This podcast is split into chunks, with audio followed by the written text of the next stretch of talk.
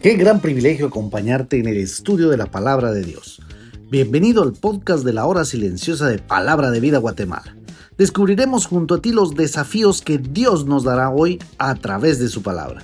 Deseamos que hayas tomado un tiempo para leer con anticipación el pasaje del día de hoy.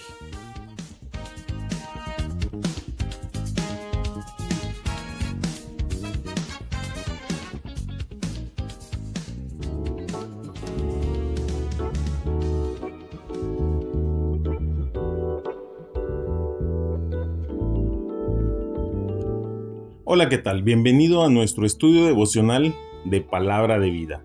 Te saluda Daniel de la Rosa y es para mí un privilegio poder compartir contigo esta meditación. En esta oportunidad nos encontramos en 1 Corintios 12 de los versos 12 al 20. Hoy leeremos esta porción en la versión Nueva Traducción Viviente. Espero que tengas tu Biblia a mano. La palabra de Dios dice así. El cuerpo humano tiene muchas partes pero las muchas partes forman un cuerpo entero. Lo mismo sucede con el cuerpo de Cristo. Entre nosotros hay algunos que son judíos y otros que son gentiles. Algunos son esclavos y otros son libres, pero todos fuimos bautizados en un solo cuerpo por un espíritu. Y todos compartimos el mismo espíritu. Así es, el cuerpo consta de muchas partes diferentes, no de una sola parte.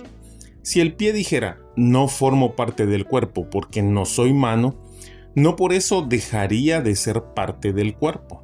Y si la oreja dijera, no formo parte del cuerpo porque no soy ojo, ¿dejaría por eso ser parte del cuerpo? Si todo el cuerpo fuera ojo, ¿cómo podríamos oír? O si todo el cuerpo fuera oreja, ¿cómo podríamos oler? pero nuestro cuerpo tiene muchas partes y Dios ha puesto cada parte justo donde Él quiere. Qué extraño sería el cuerpo si tuviera una sola parte. Efectivamente, hay muchas partes, pero un solo cuerpo. En primer lugar, podemos ver que el apóstol Pablo hace una comparación de la iglesia del Señor con un cuerpo humano principalmente refiriéndose a la unidad, explicando que el creyente que tiene al Espíritu Santo en su interior forma parte de este organismo por medio del nuevo nacimiento. En Tito 3:5 dice la palabra, nos salvó no por obras de justicia que nosotros hubiéramos hecho, sino por su misericordia, por el lavamiento de la regeneración y por la renovación en el Espíritu Santo todos nosotros, al ser parte de este cuerpo, implica que vamos al mismo lugar, sentimos lo mismo, tenemos la misma necesidad. Todos son parte del mismo cuerpo. En segundo lugar, podemos entender que todos en el cuerpo tenemos una función importante. Seguramente la función que hacemos es diferente en cada uno, de acuerdo con nuestros dones, pero nadie sobra o está de más en el cuerpo. Imaginemos que como somos millones de cristianos en el mundo, esto implica que seríamos algo así como una célula de las millones que hay en el cuerpo humano. A nivel celular, cada célula del cuerpo tiene el mismo ADN. Somos iguales a cualquier otra célula, solo que depende del órgano donde estés ubicada, así será tu función. Los miembros del cuerpo tienen diferentes atribuciones en diferentes lugares. ¿Qué podemos aprender de esto? En primer lugar, debo cumplir mi tarea en el lugar que me ha tocado. No debo murmurar ni pelear con los demás. Todos los miembros del cuerpo de Cristo son útiles y necesarios los unos a los otros.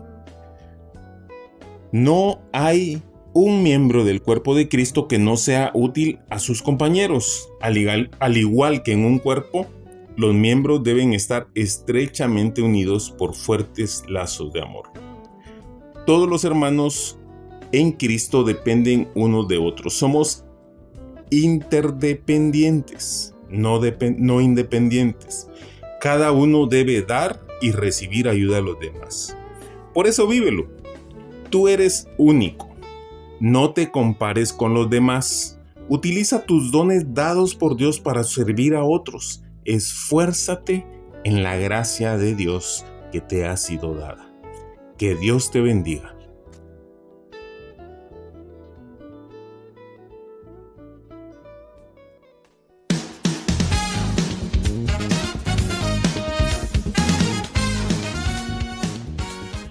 Es emocionante saber los tesoros que Dios tiene en su palabra para nosotros. Ayuda a tus amigos a que descubran la voluntad de Dios para su vida. Comparte este podcast con ellos. No olvides seguirnos en nuestras redes sociales.